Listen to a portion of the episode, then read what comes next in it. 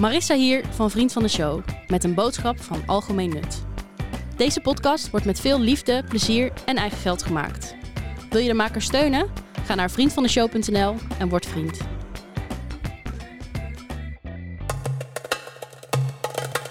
Indonesië wil een visum invoeren speciaal voor digital nomads. Die zouden dan vijf jaar in het land mogen wonen en werken.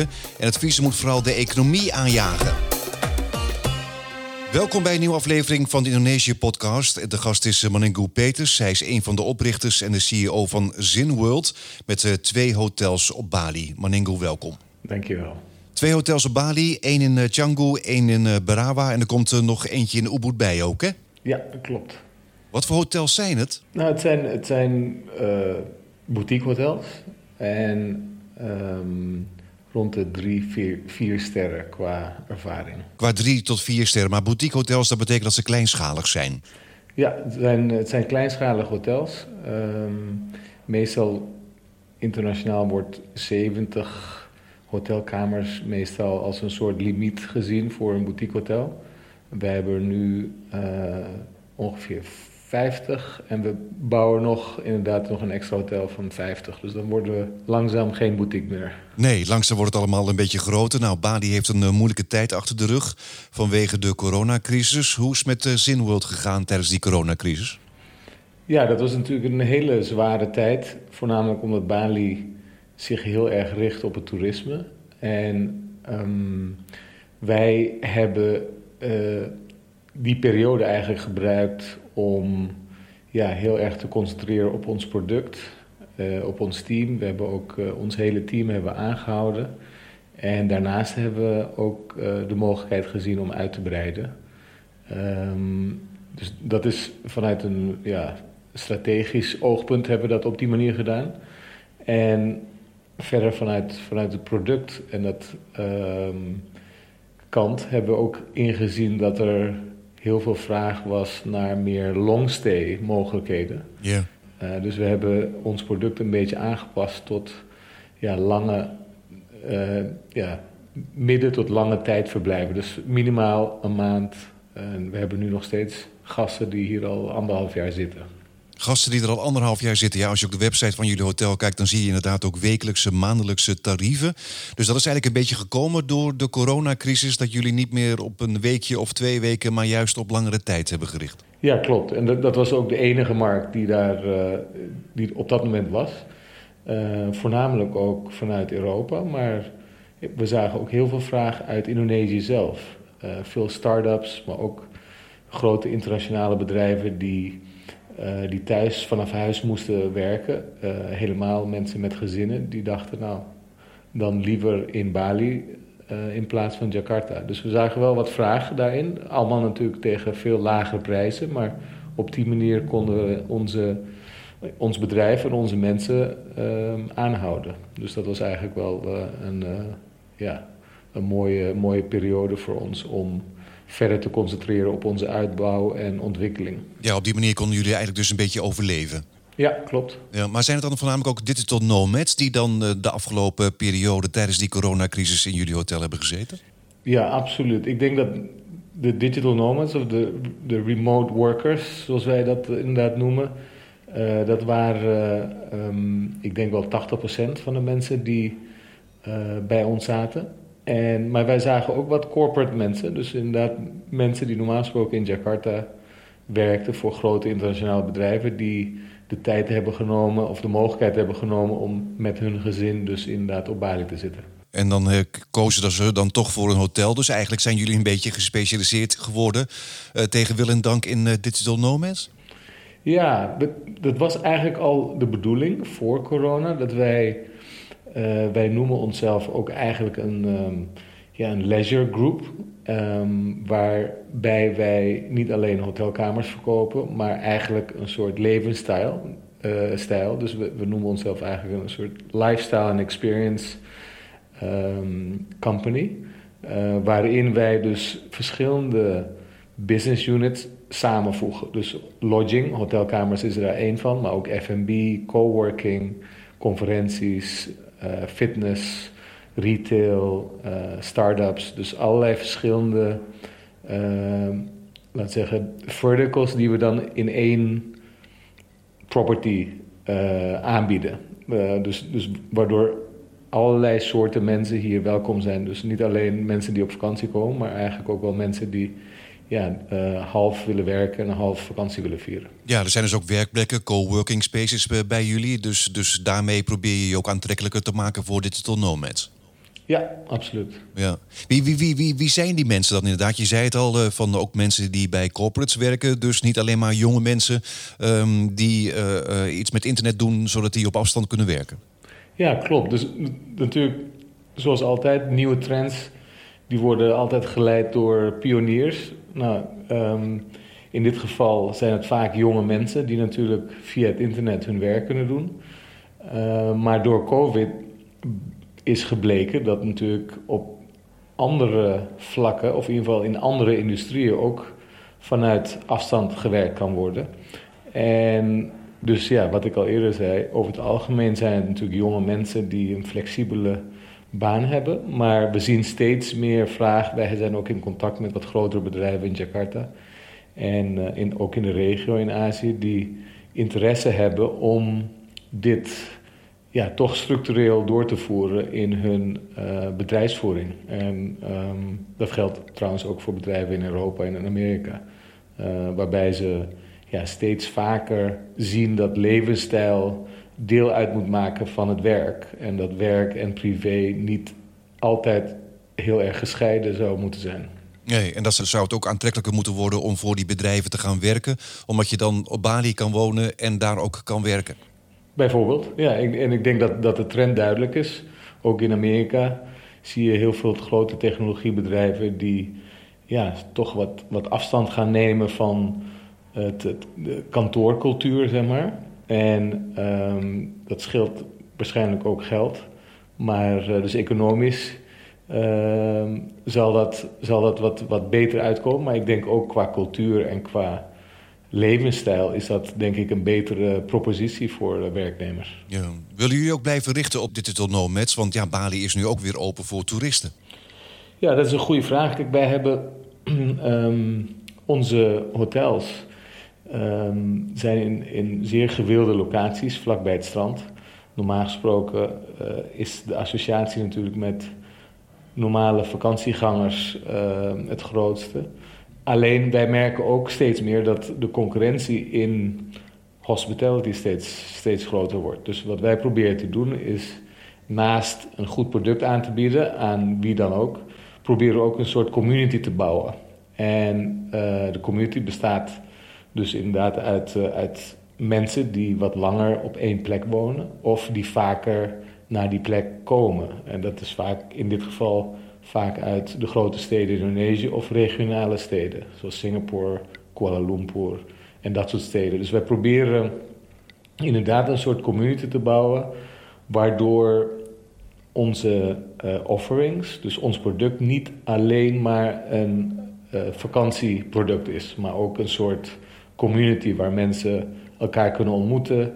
Of het nou um, ja, investeerders zijn of start-ups uh, op die manier. Ja, want hoe probeer je dan die community te bouwen? Want ja, op Bali, je kan ook heel makkelijk en relatief goedkoop... ook gewoon voor jezelf een villa huren natuurlijk. Ja, dat is natuurlijk altijd de... Uh, kijk, er is, er is heel veel uh, aanbod. Um, maar er is ook heel veel vraag. En ik denk... Het, het, vele aanbod wat beschikbaar is...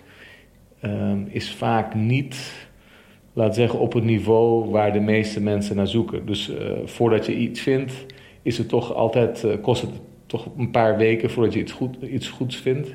En daarnaast uh, zijn misschien die faciliteiten wat minder. Helemaal als je, ja, als je afhankelijk bent van een bepaalde infrastructuur, zoals goed internet of toch een rustige plek om te werken ja, dan is, het, dan is dat niet zo makkelijk om te vinden. Nee, werkplekken en goed internet, ja, dat is uh, dan wel heel erg belangrijk natuurlijk ook. Ja, absoluut. Ja. Is het trouwens inmiddels business as usual op Bali?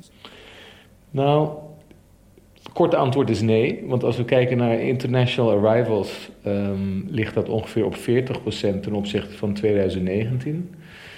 Maar er zijn heel veel uh, lokale toeristen en mensen die inderdaad besluiten om naar Bali te verhuizen of vanuit Bali te werken.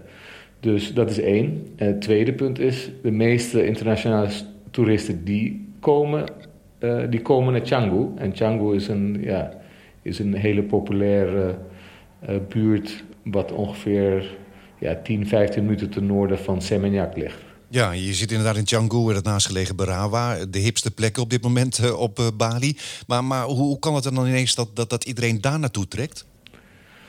Nou, ook dat. Ik denk dat als je kijkt naar de historie uh, van Bali... dat begon, als, als je kijkt naar naar de laat zeggen, de, het massatoerisme... begon een beetje in Kuta natuurlijk in de jaren 70... En door de toenemende vraag is dat een beetje naar het noorden gegaan.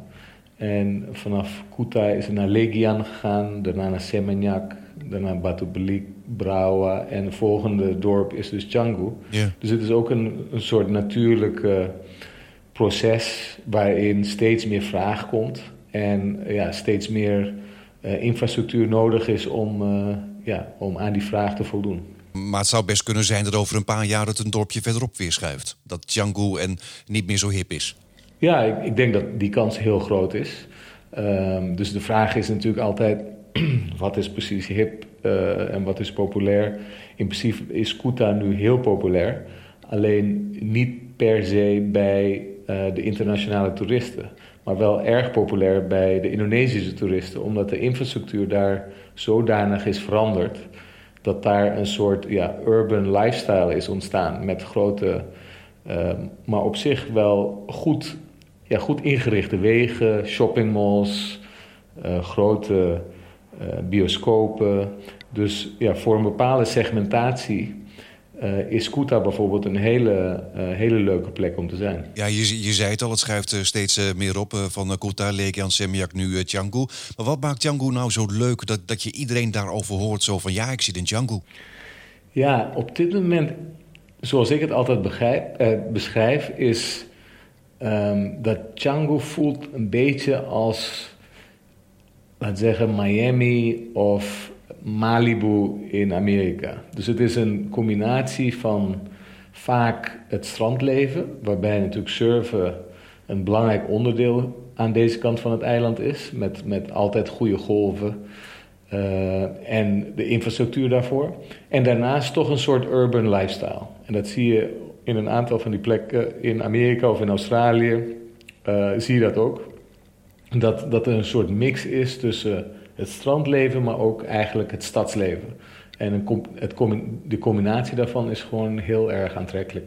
Voornamelijk voor jonge mensen, maar ook je ziet steeds meer uh, families, maar ook wat ik al zei, corporate mensen die, daar, die dat heel erg aantrekkelijk vinden. Het is dus eigenlijk een beetje een enclave geworden voor uh, veel expats en uh, buitenlanders. Ik was daar de laatste keer in de supermarkt. Ik denk van, het lijkt hier op de Albert Heijn met Indonesisch personeel, want ik zie alleen maar buitenlanders. Ja, dat, dat klopt. Dat klopt ja. ja. Je, je, je, je, zei het al, het aantal internationale arrivals blijft nog ver achter in vergelijking met voor corona. Het is nog maar 40 procent, zei je. Waarom blijft het zo achter? Als ik, als uh, naar de markt kijk, dan, zijn er een aantal redenen te bedenken. Uh, onder andere denk ik het feit dat er toch nog ja, vragen zijn ten opzichte van uh, reisrestricties, onzekerheden. Als ik inderdaad een lange reis zou maken, kan ik dan nog wel terugkomen? Hoe zit het met visa? Dus ik denk algemene onwetendheid, dat is één. Ten tweede is er natuurlijk een oorlog gaande tussen Rusland en Oekraïne. Wat natuurlijk uh, uh, ja, ook algehele gevoel niet verbetert uh, om ver te reizen. daarnaast denk ik, heel veel tickets zijn heel duur. Dus, dus er zijn nog steeds heel weinig vluchten, internationale of voornamelijk intercontinentale vluchten. Die blijven ver achter. Ja, ik, ik, ik zeg ticketprijzen voor jullie in augustus van 2.000 tot 3.000 euro naar Bali. Ja, precies. Ja, dus, dus en dat, dat heeft te maken dat natuurlijk dat de vliegtuigmaatschappij die willen hun uh, vluchten optimaliseren. Dus dat is natuurlijk heel begrijpelijk, helemaal na twee jaar malaise.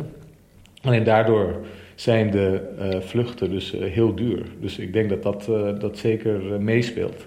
En natuurlijk de hele situatie in Europa, waarbij tekort is aan personeel op, op airports, is natuurlijk ook een, een, iets waar heel veel mensen, denk ik, tegenaan hikken. Voordat ze een lange reis gaan maken. Ja. Je woont inmiddels uh, tien jaar op Bali. Uh, je bent ook in Indonesië opgegroeid. Uh, twee hotels nu, ja, een derde opkomst. jouw geschiedenis maakt het ook makkelijker dat je een hotel kan starten op Bali? Ja, ik denk dat een hotel starten is overal lastig. Um, en is heel uitdagend. Alleen helemaal als je, het, als je het zelf bouwt en ontwerpt. En daarna natuurlijk zelf managt Alleen het, uh, ja, mijn eigen achtergrond en het feit dat ik natuurlijk de taal spreek, helpt absoluut. Ja. ja. En jullie hotel eh, regelt ook visa via tussenpersonen. Ook voor mensen die dus inderdaad ook tijdens de coronacrisis in jullie hotel voor langere tijd verbleven. Hoe, hoe regelen mensen die langer blijven het nu met visa? Ja, op dit moment dus inderdaad via um, visa agents. En daar, wij werken met een aantal partijen samen. Uh, waarvan we gewoon hele goede uh, ervaringen mee hebben. Dus op, dat, op dit moment werken we dus, het, gaat het op die manier. En de meeste mensen die vragen een business visa aan. En om op die manier dus um, zes maanden hier te zitten. En die kan je dan steeds weer uh, verlengen? Ja, dat klopt. Dus het is, een, het is een visa wat je offshore kan regelen. En dan krijg je Um, in eerste instantie 60 dagen en daarna kan je het per maand verlengen tot 6 maanden. Ja, Indonesië heeft ook al uh, langere plan om een uh, speciaal visum in te voeren voor uh, digital nomads. Door corona was het even in de ijskast gezet. Maar toerisme-minister Sandiaga Uno die zei onlangs dat de invoering van zo'n visum in de laatste fase zit. Zou het goed zijn voor Bali als er zo'n visum zou komen dat je vijf jaar lang mag wonen en werken op Bali? Ja, persoonlijk denk ik dat het heel goed is. En dat voornamelijk omdat, denk ik, de lokale economie ja, een wat bredere fundering nodig heeft uh, qua inkomsten.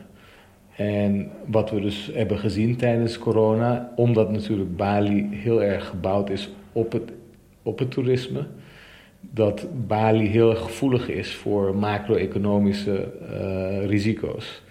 Dus ik denk dat uh, als er een mogelijkheid is om mensen aan te trekken om voor een langere tijd op Bali te zitten, uh, stabiliseert natuurlijk uh, voor een deel stabiliseert dat het inkomen.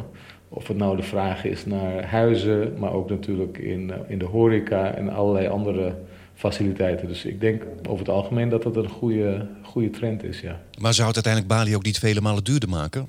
Ja, ik denk dat, dat uiteindelijk dat altijd het geval is. Uh, ook met de huidige inflatie, wat er natuurlijk heerst wereldwijd. Uh, alleen het duurder worden van uh, diensten en producten betekent vaak ook dat het niveau wat hoger is. En dat is ook wat, wat Indonesië en Bali specifiek graag wil bereiken. Het, het aantrekken van toeristen die op dagbasis iets meer uitgeven dan wat nu het geval is.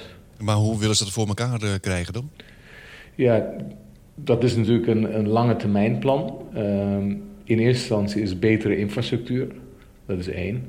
En ten tweede uh, een wat aantrekkelijker investeringsklimaat creëren voor grotere bedrijven die grotere bekende concepten kunnen neerzetten op Bali. Dat is, dat is, dat is hun doel. Ja, en met, met zo'n uh, visum dan wil je dus eigenlijk uh, zorgen dat mensen langere tijd blijven, zodat je niet alleen maar afhankelijk bent van het toerisme. Dus als er iets gebeurt in de wereld, dat dan de economie gelijk inzakt. Ja, dat is, dat is laten we zeggen, het korte termijn uh, gedeelte. Langere termijn is, wat, wat ik ook zie aan de lokale start-ups, zeg, zeg maar, willen ze ook veel meer talent aantrekken. Zodat ja, er veel veel meer dynamiek ontstaat in bijvoorbeeld in de technologie sector. Want uh, Indonesië is de, in de laatste tien jaar heel erg actief geweest in allerlei start-ups en voornamelijk de technologie sector. Dus uh, Indonesië kijkt op lange termijn ook om gewoon internationaal talent aan te trekken. Niet alleen investeerders, maar ook mensen die hier bedrijven samen met Indonesiërs kunnen opzetten. Alle details eh, van het visum eh, zijn nog niet eh, bekend, maar je zou dan vijf jaar mogen wonen en werken op Bali. Je hoeft dan ook geen belasting te betalen zolang je inkomen uit het buitenland komt. Maar daar zitten nog wel wat haken en ogen aan, denk ik. Ja, dat, dat is denk ik een van de grootste belemmeringen waar ze nu over aan het, uh, aan steggelen zijn, is hoe je dat controleert natuurlijk. of je niet lokaal je geld verdient. Um, en ik denk dat dat ook een reden is waarom het misschien eventueel wat langer gaat duren dan, dan ze denken. Dat het voorlopig er nog niet zal zijn? Klopt. Dat het moet nog flink over gediscussieerd worden van wat de voorwaarden precies van zo'n visum zouden moeten zijn. Ja, klopt. Want ik denk dat, dat er twee dingen gaande is. Ik denk dat het duidelijk is dat de wereldwijde trend van remote working of distributed work ehm, heel duidelijk is. Dat zie je overal, zie je in Europa, Amerika, uh, in Oost-Europa zie je het heel erg actief nu, in Zuidoost-Azië. Dus dat is heel duidelijk. En ik denk dat heel veel overheden daarom daarop inspringen, omdat ze dat zien toch als een, uh, ja, als een kans. Ehm, alleen, heel veel landen zijn denk ik nog niet klaar voor, voornamelijk juridisch. Dus voordat zoiets in werking kunnen stellen, dan moet, moeten ze zeker zijn dat het juridische gedeelte dat dat ook klopt. En ik denk dat daar ja, vaak haken en ogen aan zitten. Uh, dus ik denk dat ze daar uh, ja, nog, nog wel even tijd nodig hebben om dat allemaal uh, glad te strijken. Ja, eh, vijf jaar, dat zou het langste digital nomad eh, visa zijn tot nu toe. Maar ik zag bij de voorbereiding op deze podcast ook al websites tegenkomen van belastingvrij leven en werken op Bali. Dat klinkt ook heel mooi, hè? Ja, dat, klinkt, dat klinkt ook mooi. Ik denk dat de marketingafdelingen heel erg goed bezig zijn. Omdat, en voornamelijk natuurlijk de Indonesische regering, die wil dat natuurlijk aantrekkelijk maken. Aan de andere kant is het natuurlijk een dunne lijn, want um, belastingvrij klinkt natuurlijk mooi, maar het is, er is natuurlijk een reden waarom we allemaal belasting betalen. Ik merk in ieder geval intern van mensen die ik ken, ook in lokale en centrale overheden, dat dat soort zinnen uh, heel gevoelig ligt bij, bij, de, bij de overheid. Omdat ze natuurlijk niet de indruk willen wekken dat, ja, dat alles gratis is en zonder belasting gaat. Nee, want je zou je bij wijze van spreken kunnen uitschrijven uit Nederland. Gewoon vijf jaar op Bali gaan zitten. Ik bedoel, je inkomen uit Nederland halen en dan betaal je nergens belasting. Precies, en volgens mij is dat niet, niet volgens uh, het, uh, het structuur wat, of de structuur waar, waar belastingdiensten normaal gesproken naar kijken. Nee. Is bekend hoe duur zo'n visum wordt? Het zou niet goedkoop zijn, denk ik, hè? Nee, ik denk een van de um, argumentatie die ik heb gehoord is om niet elke persoon te hoeven te controleren waar het inkomen vandaan komt, hebben ze nagedacht over een wat duurdere uh, visum, zodat eigenlijk dat een soort ja, belastinginkomst, uh, belastingbron eigenlijk is. Dus uh, stel dat het 5 of 10.000 dollar kost per jaar, ehm, dan doen ze eigenlijk net alsof dat je belastingdruk is. Ja. Dus dat is, dat is een beetje de achterliggende gedachte. Maar goed, 5 of 10.000 dollar per jaar, dat is nog niet zo heel erg duur natuurlijk, als je dan ook geen belasting hoeft te betalen. Nee, hangt van je inkomen af natuurlijk, maar ja. Maar goed, uh, ik uh, neem ook aan, je zei het al, Bali wil eigenlijk een ander soort bezoekers trekken. Mensen die meer geld gaan uitgeven. Um, ik neem ook aan dat het visum niet bedoeld is voor iemand die dan naar Bali ergens in de kost gaat. Nee, precies. Dus, dus daar zit natuurlijk ook een beetje. En ik denk dat dat ook de reden is waarom ze de prijs wat hoger willen leggen. Zodat er een soort natuurlijke selectie bestaat van mensen die inderdaad dat kunnen veroorloven. En daardoor ook lokaal natuurlijk voldoende geld uitgeven om de lokale economie te ondersteunen. Ja, dus dat er ook wel inko een inkomenseis bij zal zijn. Ja, precies. En ik denk dat, dat het makkelijkste is natuurlijk om het visum zo uh, te, ja, de prijs zo hoog te zetten dat ze in ieder geval we zeker weten dat ze dat in ieder geval kunnen betalen. Ja. ja. Maar denk je dat zo'n visum dus alleen, niet alleen interessant is voor eenlingen, maar dus ook uh, voor bedrijven die werknemers in de mogelijkheid willen stellen om op Bali uh, te wonen en te werken? Ik denk dat dat inderdaad de toekomst zal zijn. Ik denk dat dat, dat de volgende stap uh, zal zijn. Dus normaal gesproken denk ik dat dit heel erg aantrekkelijk is voor individuen of mensen die zelf die stap nemen. Maar ik denk dat het heel aantrekkelijk kan zijn op allerlei gebieden dat bedrijven ehm, verschillende teams of verschillende individuen als groep bijvoorbeeld naar Bali kunnen sturen en aan een project laten werken bijvoorbeeld. Ehm, ik denk dat dat, ja, dat, dat zeker ehm, de, de toekomst zal zijn van het nieuwe werken. Ja, vorige maand is het plan opnieuw gelanceerd. Merk je dat er veel vraag naar is? Dat mensen de, er interesse in hebben? Dat ze zeggen van wanneer is het zover? Ja, heel veel. We krijgen heel veel vraag. Um, wij werken ook samen met een uh, platform, dat is bali.com. Wat een uh, platform is uh, vanzelfsprekend voor, voor Bali. En ja, daar zien wij heel veel vraag naar. en voornamelijk uit Europa, maar ook veel uit Amerika op dit moment. Ja, maar je verwacht dus dat het nog wel een tijd lang kan duren voordat het echt daadwerkelijk een feit is? Ja, ik denk niet, dit soort zaken gaan meestal niet over één dag ijs. Dus ik verwacht ook niet dat het, dat het heel snel uh, gaat gebeuren. Ik denk dat het feit dat natuurlijk de G20 uh, eh, dit jaar in, uh, in Indonesië plaatsvindt, specifiek in oktober in Bali, um, speelt denk ik ook een rol dat ze ja, heel veel van dit soort inter internationale in initiatieven graag benoemen als een soort ja, doel om, om Indonesië en Bali weer op de kaart te zetten. Maar hebben we het dan over maanden of over jaren? Het zou mij verbazen als het binnen een jaar gebeurt, vanaf nu. Um, dus ik denk inderdaad dat het iets langer dan een jaar gaat duren. Nog iets langer dan een jaar. En, en ben je nog van plan om verdere aanpassingen te doen met uh, Zin World... Om, om alvast in te spelen op uh, dat nieuwe visum? Ja, dus we zijn, we zijn bezig hier in Canggu met een, uh, met een uitbreiding van ons hotel... van een extra 50 kamers. En daarin proberen wij in het ontwerp ook al rekening te houden met bijvoorbeeld meer werkplekken uh, maar ook uh, in het ontwerp van de kamers, waarbij wij uh, vanuit kunnen gaan dat er hopelijk bedrijven geïnteresseerd zijn om bijvoorbeeld 10, 20, 15 kamers in te huren voor hun team. Om, om hier bijvoorbeeld aan een project te werken of samen met een Indonesisch bedrijf aan een, aan een project te werken of zoiets dergelijks. Dus we zijn ook bezig om te kijken of we een soort incubator kunnen opzetten waarbij we eigenlijk een soort uh, platform worden voor start-ups en investeerders en uh, advisors. Um, dus daar zijn we wel naar, naar aan het kijken. Ja. ja. hoe duur is het ongeveer om een maand per uur te blijven? Uh, per maand is, is het ongeveer 1000 euro. Nou, dat valt hartstikke mee, toch? Ja, nee, dat valt, dat valt heel erg mee. Dat, dat zijn natuurlijk wel de prijzen, de huidige prijzen. Uh, omdat natuurlijk Bali nog niet geheel wat ik al zei, uh, geopend is. Dus, uh, uh, ja, dus dat, dat kan veranderen in de toekomst. Maar... Ja, je verwacht dat het snel zal gaan stijgen en zeker als het visum een feit is? Ik denk het wel, want uiteindelijk gaat het natuurlijk... Heel veel mensen zijn, hebben een soort globale uh, mindset tegenwoordig. Helemaal jonge mensen. Dus ik denk dat heel veel mensen de kosten hier toch vergelijken met de kosten of in Europa of in Amerika of in andere grotere steden in, uh, in Azië. Dus ik denk dat ja, goed, goede faciliteiten zullen inderdaad wat duurder zijn. En uh, ja, dat zie je overal, maar dat zal hier hetzelfde zijn.